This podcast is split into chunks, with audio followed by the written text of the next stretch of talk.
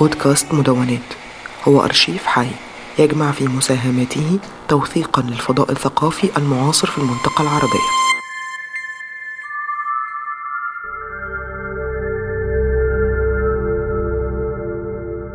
مرحبا بكم في بودكاست رف خلفي. في عتمة الليل تتخيلين غالبا ما تتخيلين كأن أحدا ما في عركة خمارة قد غرز سكينا في نقية في قلبي И тебе в вечернем синем мраке часто видится одно и то ж, будто кто-то мне в кабацкой драке саданул под сердце финский нож.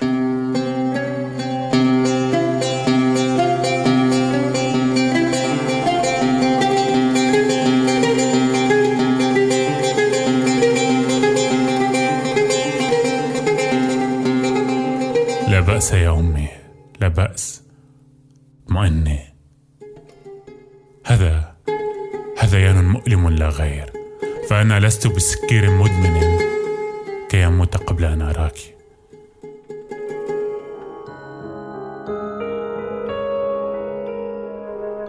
كان هذا مقطع من قصيدة رسالة إلى أمي للشاعر الروسي سيرجي يسينين في الأسبوع الأول من عام 2013 نجحت في الدخول إلى الأردن عبر حدود التهريب مع سوريا بعد عدة محاولات فاشلة لقرار جديد آنذاك بعدم السماح للشباب السوري بالدخول وحدهم.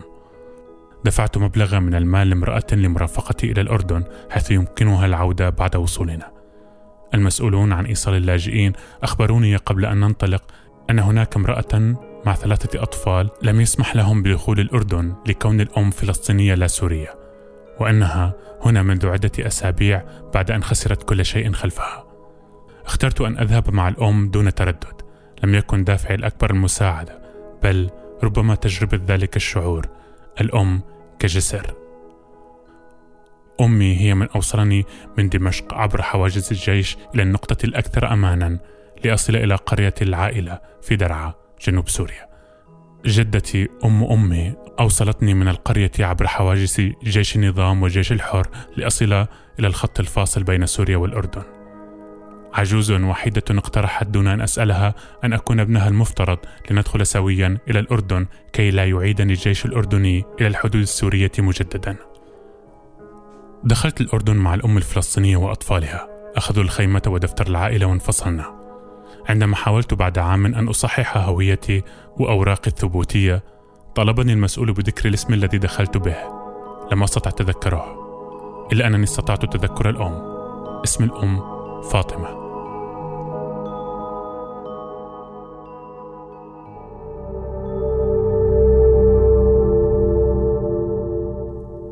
حلقة اليوم عن الأمومة والانفصال.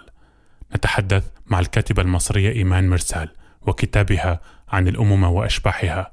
الصادر عام 2017 ضمن مشروع كيفتا وبالتعاون مع مؤسسة مفردات. ضمن الحوار سيكون هناك مقاطع مسجلة من الكتاب.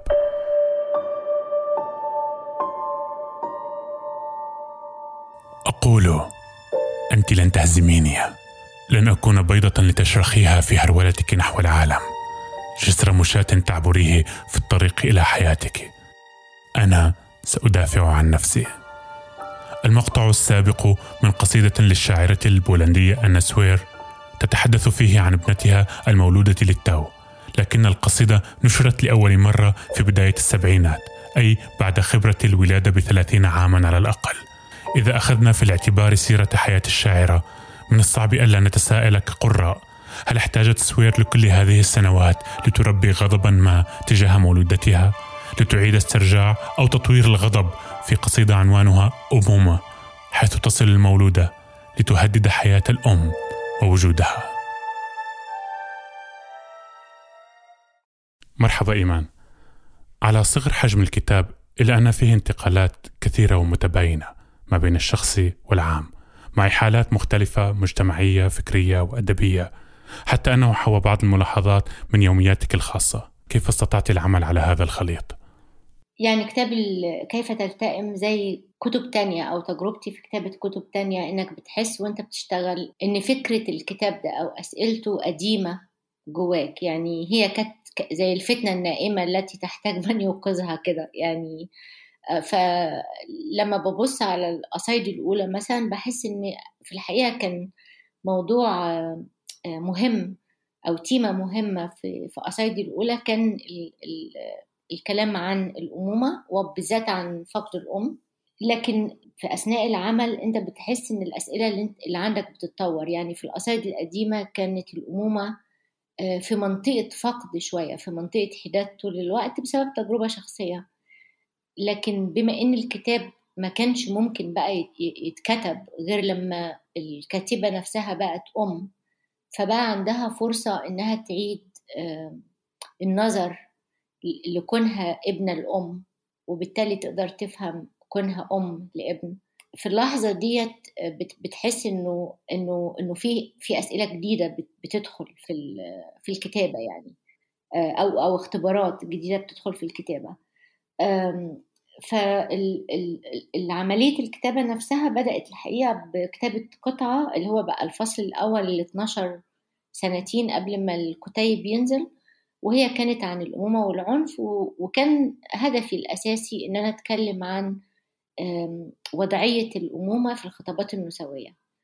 يعني ليه مش بنشوف أكتر كلام عن أمومات فردية جوه الخطابات النسوية؟ ليه دايما لازم يتم التعميم علشان الخطاب النسوي يبقى متماسك؟ لأنه هو في عراق اوريدي مع مؤسسات أو مع خطابات ذكورية أو أو أو مع يعني فكرة الدولة حتى نفسها أحيانا فالموضوع بدأ من هنا لكن لما أنت بتشتغل بتحس لأ إنه إنه أنت عندك كلام تاني المفروض يتقال فزي ما بيقولوا الموضوع بيوسع منك يعني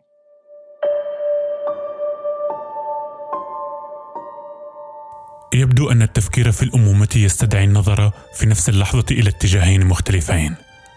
اتجاه الماضي عندما كنت ابنة لأم، واتجاه المستقبل عندما أصبحت أما لطفل. لا أعرف بأي طريقة تشكل البنوة أمومتنا، لكن في مقدوري أن أتخيل استحالة تحييدها أو تفاديها. هل يمكن أن يكون ذلك في حد ذاته سببا غير مرئي لتوتر أمومتنا؟ إذا كانت أمك بالغة الحنان فربما تريدين أن تكوني مثلها وربما تشعرين بالذنب لأنك لا تستطيعين ذلك إذا كنت مشروع أمك الأول الذي استثمرت فيه كل ما تملك لتكوني كما تريد فقد تكررين ذات الاستثمار مع طفلك أو قد تراقبين نفسك حتى لا تعذبيه. أنت التي تعذبت لتتحرري من طموحات أمك. أذكر في نهاية الكتاب أنك شكرت علاء خالد والذي بسؤاله عن الحامل دفعك إلى تساؤلات أكثر وأوسع من الإجابات التي لديك. صحيح. يعني أنا بعتقد إن إحنا يعني كبشر يعني الحقيقة إن في حاجات كتير بتخبطك كده يعني بتخبط وعيك يعني. بتيجي من الحوار مع العالم. الحوار ده بيتم عبر القراءة عبر الحوار مع أصدقاء عبر يعني رغبة في تأمل الحاجات اللي حواليك. فكل دي مصادر يعني مصادر بتخليك آه، تفكر إنه آه، أنا عندي كلام في ده ولا لأ؟ يعني أو أو أو أو تبدأ تتساءل في حاجة أنت متصور إن أنت عندك رأي فيها بس أنت في الواقع آه، راكنها على جنب يعني مستني اللحظة اللي, اللي تفكر فيها بجد.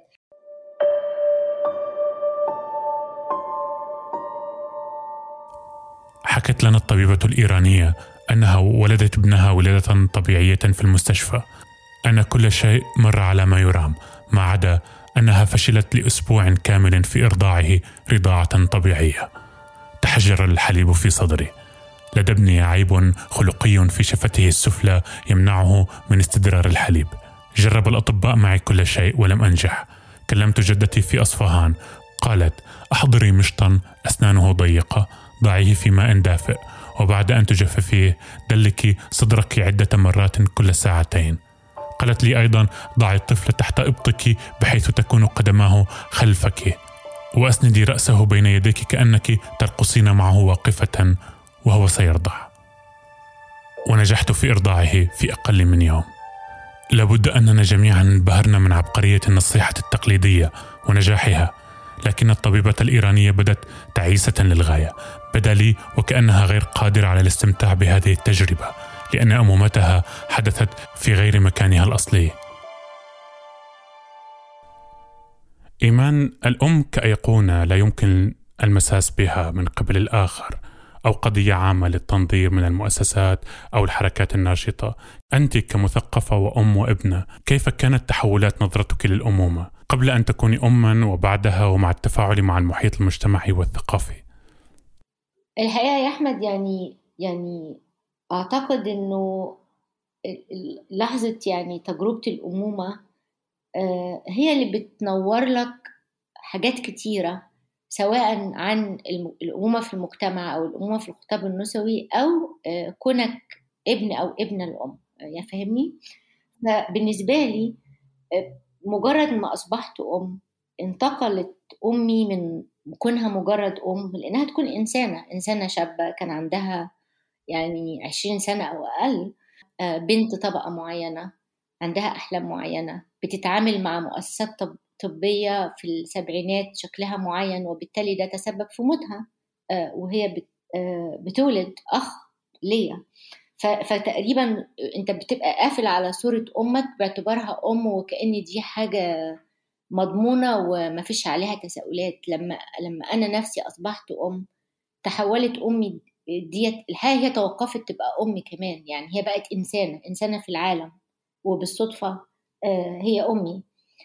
في حاجة تانية كمان إنه تجربتنا مع المجتمع المجتمع اللي حوالينا يعني تجربتي مثلا مع المؤسسة الطبية في الغرب آه، وإزاي هي بتقدم معلومات آه، وفيرة عن كل حاجة لدرجة الإحساس بالرعب.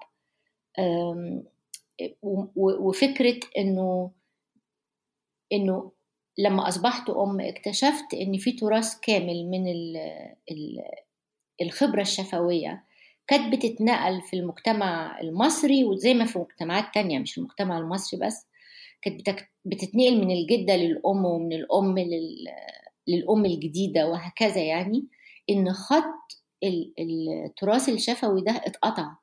اتقطع بسبب الحداثة. بقى في مستشفى بقى في دكتور بقى في كتب طبية.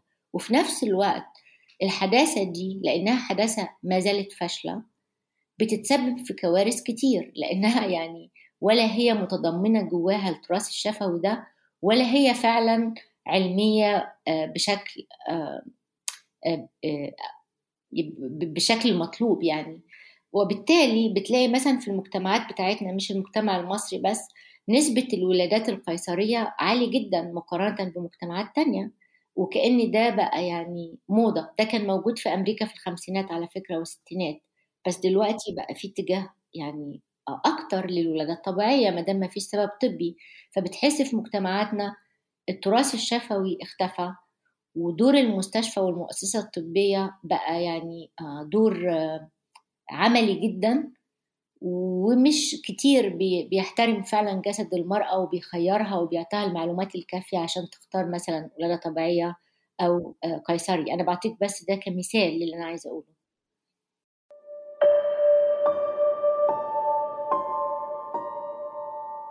بنفس الدرجة يمدون أي وصف طبي لعملية الحمل والولادة بمجازات عديدة عن التهديد والصراع والانتقاء والاستثمار والخطر. يدافع الرحم عن نفسه ضد الجنين الضار يزداد جداره سمكا وهذا ما يؤدي إلى الحيض. إنها الوسيلة التي يختبر بها جسد الأم صلاحية الجنين حتى يقبل باستمراريته. على جسد الأم أن يتأكد أن الحمل هو استثمار جيد للمستقبل. ستتكون المشيمة إذا كسب الجنين المعركة. لكن في نفس الوقت لابد من تكون غشاء رقيق يفصل دم الأم عن دم الجنين. الانفصال للتماهي هو شرط النجاة لكليهما.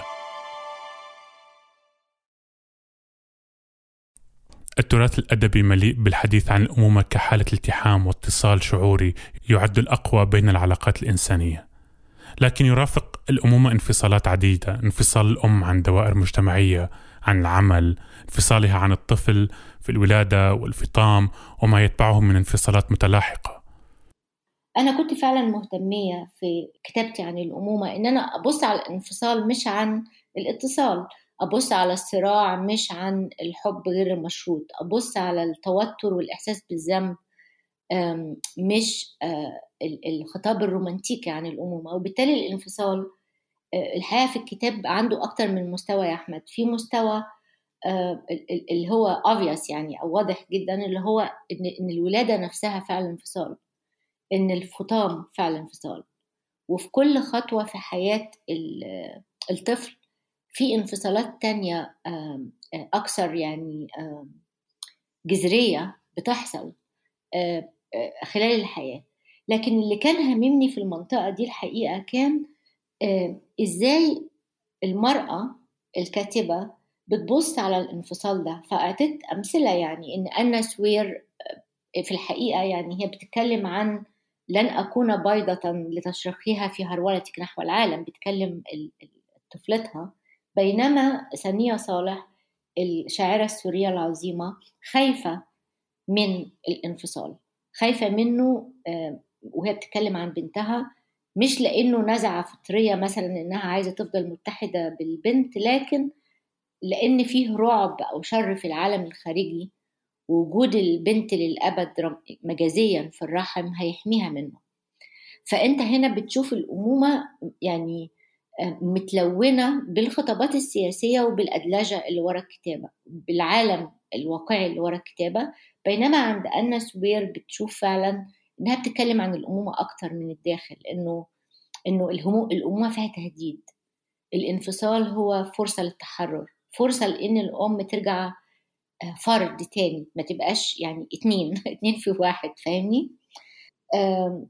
فدي كانت كانت أحد الحاجات اللي الكتاب تناولها بس في أشكال تانية للانفصال. وهو انفصال الأم الحديثة عن المجتمع وعن العمل لمدد زمنية بسبب الأمومة. يعني إزاي إزاي يعني حتى الإحساس بالعالم بيحصل له ربكة. الإحساس بالجسد كمان بيحصل له ربكة. يعني في وأنا ما اتكلمتش في ده كتير للأسف في الكتاب لكن هو موضوع مطروح فعلا في ذهني إنه إزاي إزاي الجسد الأنثوي بتتعطل أنوثته بشكل ما أو بترتبك على الأقل سواء تتعطل أو لا لأني مش من حق أقول ده على كل الأمهات. بتتعطل لصالح لصالح إن الأم هي مصدر الرضاعة هي مصدر الدفء والقرب من من جسم البيبي وهكذا. آه، فأشكال الانفصال ديت بتحصل على مستويات كتيرة وأعتقد إن كل أم آه، عن عندها تجربة مهمة فيها. ما فيش حد ما عندوش تجربة مهمة. هو الفرق بس إن إحنا محتاجين نشجع أمهات أكتر يتكلموا وإن كمان يمكن القدرة على تو يعني انك إنك توصف تجربتك من جوه هي اللي محتاجة شوية آه، مهارات. يعني لكن أنا متأكدة إن كل أم هيكون عندها خبرة ما بالفعل سواء هي مدركاها أو لأ بموضوع الانفصال عن آه، الطفل.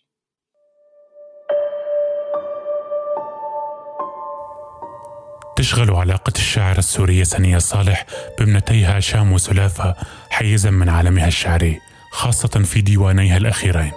هناك ثيمة أساسية تعود لها صالح كلما حضرت ابنتاها في القصيدة ويمكنني أن أصفها برعب الفطام. تكتب صالح. أغرقي رأسك فيها. اخترقيني. حتى تكاد عظامنا تغيب داخل بعضها البعض. ولنكن متجاورتين متشابكتين كثنائية القلب. المسينيا كما يلمس الإله الطين فأنتفض بشرا. لا يوجد غضب ولا عنف في أمومة صالح لكن هناك أم خائفة من الانفصال من انجراف الابنة بعيدا عنها. إنها تطلب من ابنتها أن تخترقها وتغيب بداخلها أن تقوم بما هو عكس فعل الولادة فتعود للرحم مرة أخرى. حتى لو كانت صالح لا تحتاج إلى الانفصال عن ابنتها فلا بد أنها كانت تعرف ضرورته للابنه كيف أنها العتبة. الأمومة ليست مجرد تجربة بل فتح مسار جديد في حياة الشخص. هذا المسار ربما له أثر على جوانب الحياة الأخرى سواء الشخصية أو المهنية. وهذا ما نراه في الكتاب ما بين القفز ما بين الشخصي والحرفي كمثقفة وأم وكاتبة. الحقيقة ده ما كانش هدفي أبدا. يعني هو بالصدفة أنا كاتبة فلما بتكلم عن تجربة فردية بتبقى الأمومة متموضعة. في خريطة معينة خريطة أم مسلمة مصرية مهاجرة كاتبة وهكذا يعني فكان فكان لازم كنوع من الصدق إنه إنه إنه الكتابة تبان كهم فردي يعني لو لو الأم بتحاول ت ت ت تعيد ترتيب هويتها بعد الأمومة بحيث تدخل الأمومة كجزء في الهوية بس ما تبوظش كل حاجة تانية ما تطردش. الشظايا المتناثرة من هويتها بره وتبقى أم بس يعني أقصد أعتقد دي كانت مشكلتي مع سؤال الأمومة والكتابة. فبالتالي أنا ما كنتش عايزة أبدا آه، أو مش بفكر الحقيقة حتى دلوقتي إن الأم الكاتبة حاجة خاصة. يعني مشكلة الأم الكاتبة مع الأمومة إن لما بتكون كاتب بتبقى طول الوقت بتتطور. طول الوقت عندك نوع من الحيرة أو التساؤل اللي, اللي إجابته مش جاهزة. بينما اللي بيطلب من الأم في الحقيقة إنها تكون شخص كامل شخص قادر يعني مدرسة إذا أعددتها أعددت شعبا طيب الأعراقي رايت ف... ف... فهنا في مشكلة على المستوى الفلسفي يعني بتخلي في مشكلة في كون الكاتبة تبقى أم وتبقى عايزة أم تبقى أم ناجحة وتبقى عايزة تقلل الإحساس بالذنب أو بالتقصير عايزة تبقى أم كويسة بمعنى ما. آه، فأنا يعني في الحتة دي مش بحس يعني أنا قريت كتابات بعد ما كتابي نزل كاتب يعني عملها كاتبات عن الأمومة وما عجبتنيش الحقيقة كثير منها لأنهم حولوا الموضوع لفكرة آه، تميز الكاتبة وإنه الكاتبة تشكو إنها أم. لا أنا ببص للموضوع بشكل مختلف. الكاتبة إنسان اختار إنه يبقى أم وفي مسؤولية أخلاقية لده. فتعالوا نناقش التناقضات والتعارضات من غير فكرة الشكوى. فكرة الشكوى مش مفيدة. فكرة الشكوى موقعة الطرقات. انت فاهم أنا عايزة أقول إيه؟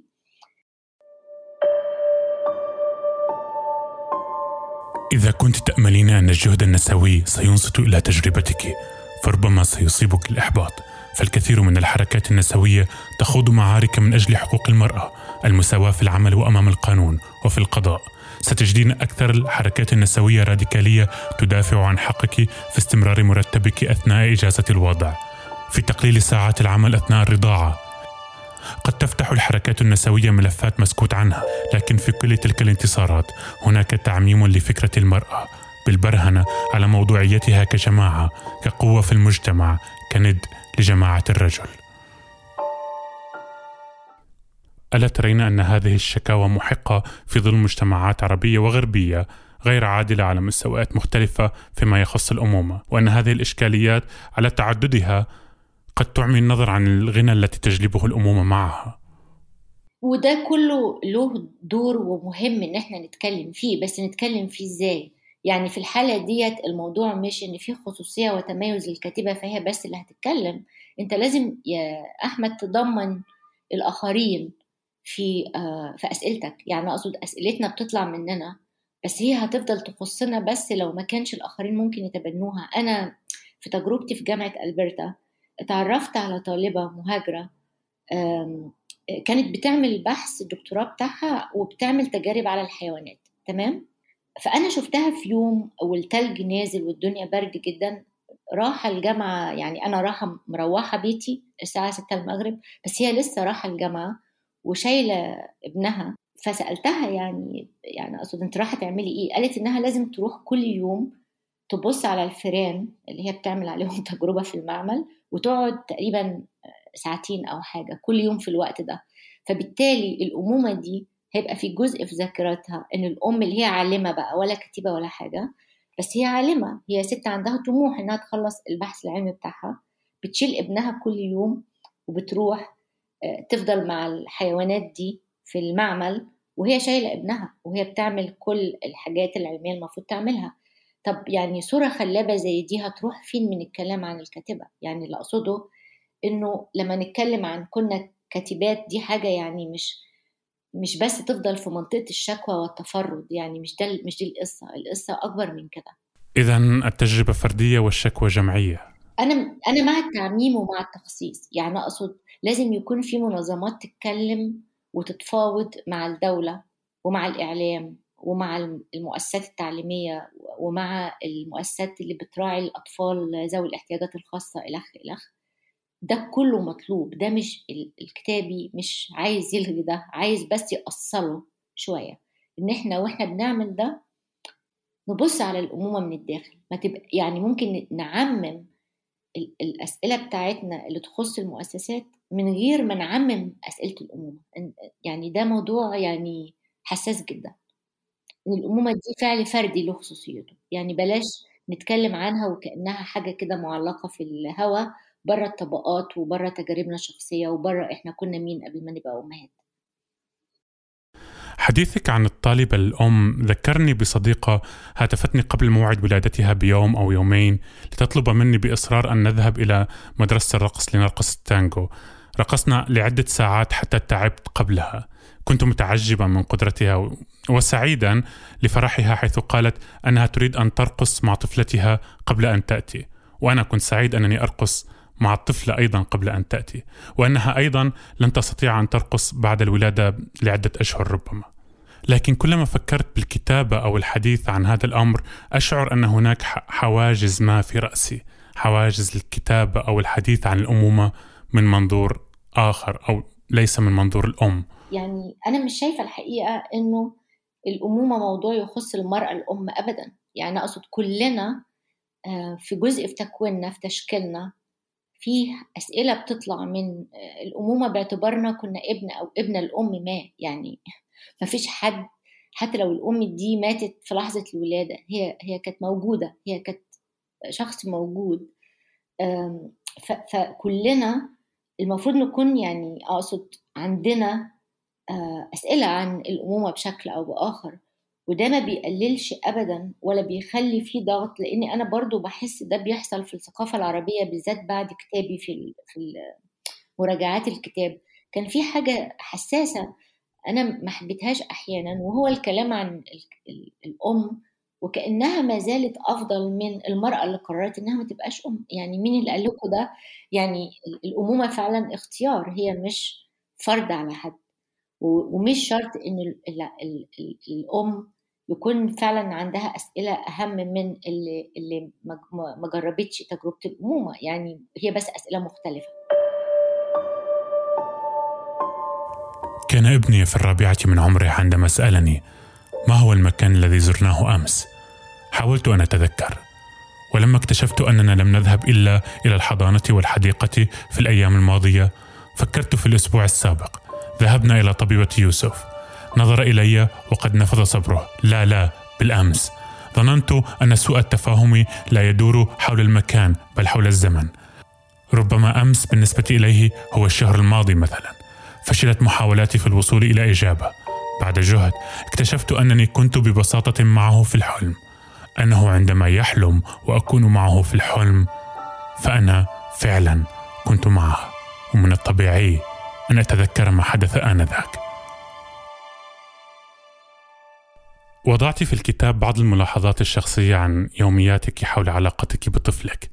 هذا الأمر ربما تطلب الكثير من التفكير حول خصوصية الطفل، الحرص عليه والشجاعة لمشاركة هذه اليوميات. لا هو هو في الحقيقة كان ما كانش فيه أبدا احتمال إن إن التجربة الشخصية دي مع المرض النفسي لطفل تبقى جزء من الكتاب لكن بعد كتابة الثلاث فصول التانيين كان في إحساس إن في جملة ناقصة وهي الجملة الناقصة دي تخص الأمومة والاحتياجات بقى الخاصة المنتال إلنس فكرة إن إحنا بنعمل استثمار في موضوع الأمومة هما بيعلمونا كده. يعني أنت أم يعني آه، تسوق بالعيال من حتة لحتة علشان يتعلموا مئة ألف حاجة ويعملوا آه، نشاطات ويتعلموا ثلاث لغات في نفس الوقت وإلخ صح؟ ده بقى خلاص يعني الشكل الحديث للأمومة إنها مسؤولة عن تكوين هذا الشخص اللي هيبقى استثمار جيد في المستقبل. طيب ولما أم بتولد طفل لا يسمع لا يرى أو طفل ذكي وموهوب جدا وبعدين يعني يطور مرض نفسي ويبقى المرض النفسي ده مسيطر عليه تماما. الجملة دي كانت ناقصة في الكتاب فاهمني؟ لأنها في الحقيقة محرك لكل السرد اللي حواليها محرك للكلام عن الحداد أو عن الأمومة في الفوتوغرافيا. فكان في سؤال أخلاقي إيه اللي يتكتب وإيه اللي ما يتكتبش؟ وده فعلا هو جمال الكتابة في حد ذاتها إنها بتخليك تعمل اختيارات أخلاقية وبرضه تكتب. يعني مفيش موضوع مش المفروض نكتب فيه. بس نكتب فيه إزاي؟ هو ده تقريبا السؤال بتاع الكتاب. يعني إنك أنا مش عايزة أعمل عرض مبتذل لتجربة طفل. أنا هكتب من من من مكاني أنا كأم من يومياتي أنا وده ممكن يكون شكل لطيف جدا لأن في اليوميات أنت عندك خريطة بس مش لازم تشرحها كلها في تفاصيل. هي كأنها شظايا متجاورة والشظايا المتجاورة دي بتعطيك صورة عن المرض النفسي وعن تجربة أسرة كاملة بتدور حواليه. فأعتقد إنه آه أنا كنت في الأول رافضة ده بس لما حسيت إنه هو في الحقيقة يعني مهم حتى للمصالحة بتاعتي مع فكرة الأمومة أو للشفاء بتاعي الشخصي وللكتاب عملته. وأعتقد السؤال هيكون دايما أنا عملته إزاي؟ مش أنا عملته ولا لأ.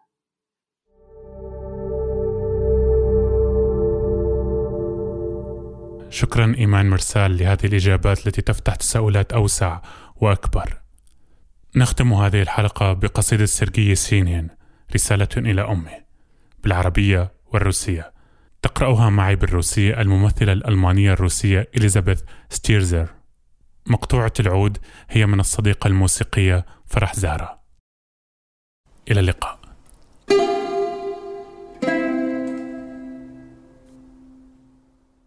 ألا تزالين حية يا عجوزي؟ حي أنا. سلام عليك وسلام ليغمر دارك ذلك الضوء المسائي البديع Ты жива еще, моя старушка? Жив и я.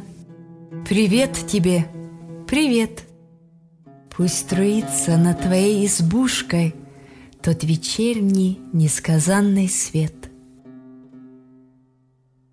يكتبون لي أنك تذوبين شوقا كما أصبحت تقلقين علي كثيرا وأنك غالبا ما تخرجين إلى الطريق بفستان مهترئ قديم Пишут мне, что ты, тая тревогу, Загрустила шибко обо мне — что ты часто ходишь на дорогу в старомодном ветхом шушуне.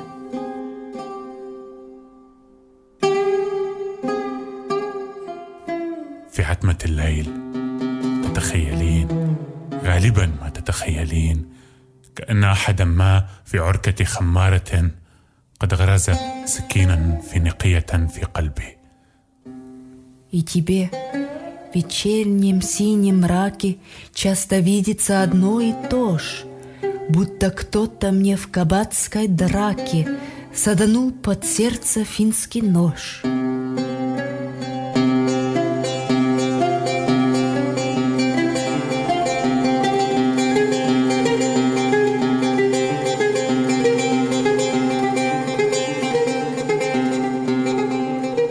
بأس يا أمي لا بأس اطمئني هذا هذيان مؤلم لا غير فأنا لست بسكير مدمن كي أموت قبل أن أراك Ничего, родная, успокойся, это только тягостная бредь. Не такой уж горький я пропойца, чтоб тебя, не видя, умереть. أحلم فقط بشأن واحد أن أهرب بسرعة من الحزن المضطرب وأعود إلى بيتنا منخفض السقف Я по-прежнему такой же нежный и мечтаю только лишь о том, чтоб скорее от тоски мятежной воротиться в низенький наш дом. سأعود عندما تتفتح أغصان حديقتنا البيضاء في الربيع شرط ألا توقظيني عند الفجر كما كنت تفعلين قبل ثمان سنوات Я вернусь, когда раскинет ветви по-весеннему наш белый сад. Только ты меня уж на рассвете не буди, как восемь лет назад.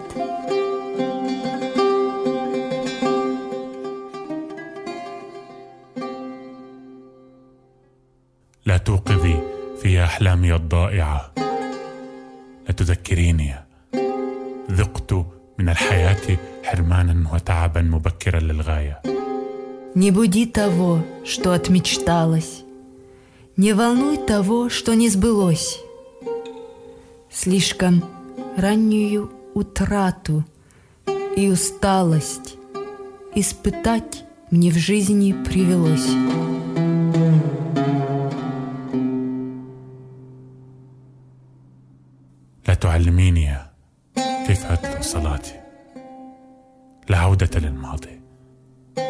وحدك عوني وسعادتي أنت وحدك ذلك الضوء المسائي البديع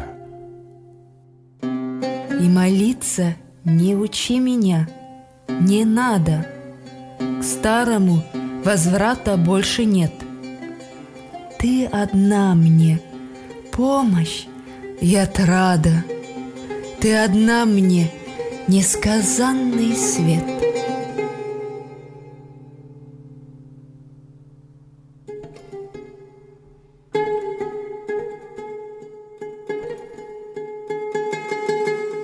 انسي خوفك ذاك لا تحزني كثيرا لاجلي وارجوك لا تخرجي الى الطريق بمعطفك الرث القديم Так забудь же про свою тревогу. Не грусти так шибко обо мне. Не ходи так часто на дорогу в старомодном ветхом Chouchounet.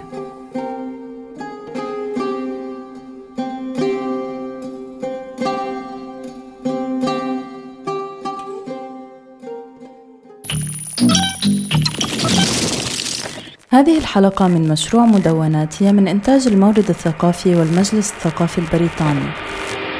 محتوى هذا البودكاست لا يعبر بالضرورة عن رؤية أو أفكار أي من المؤسستين.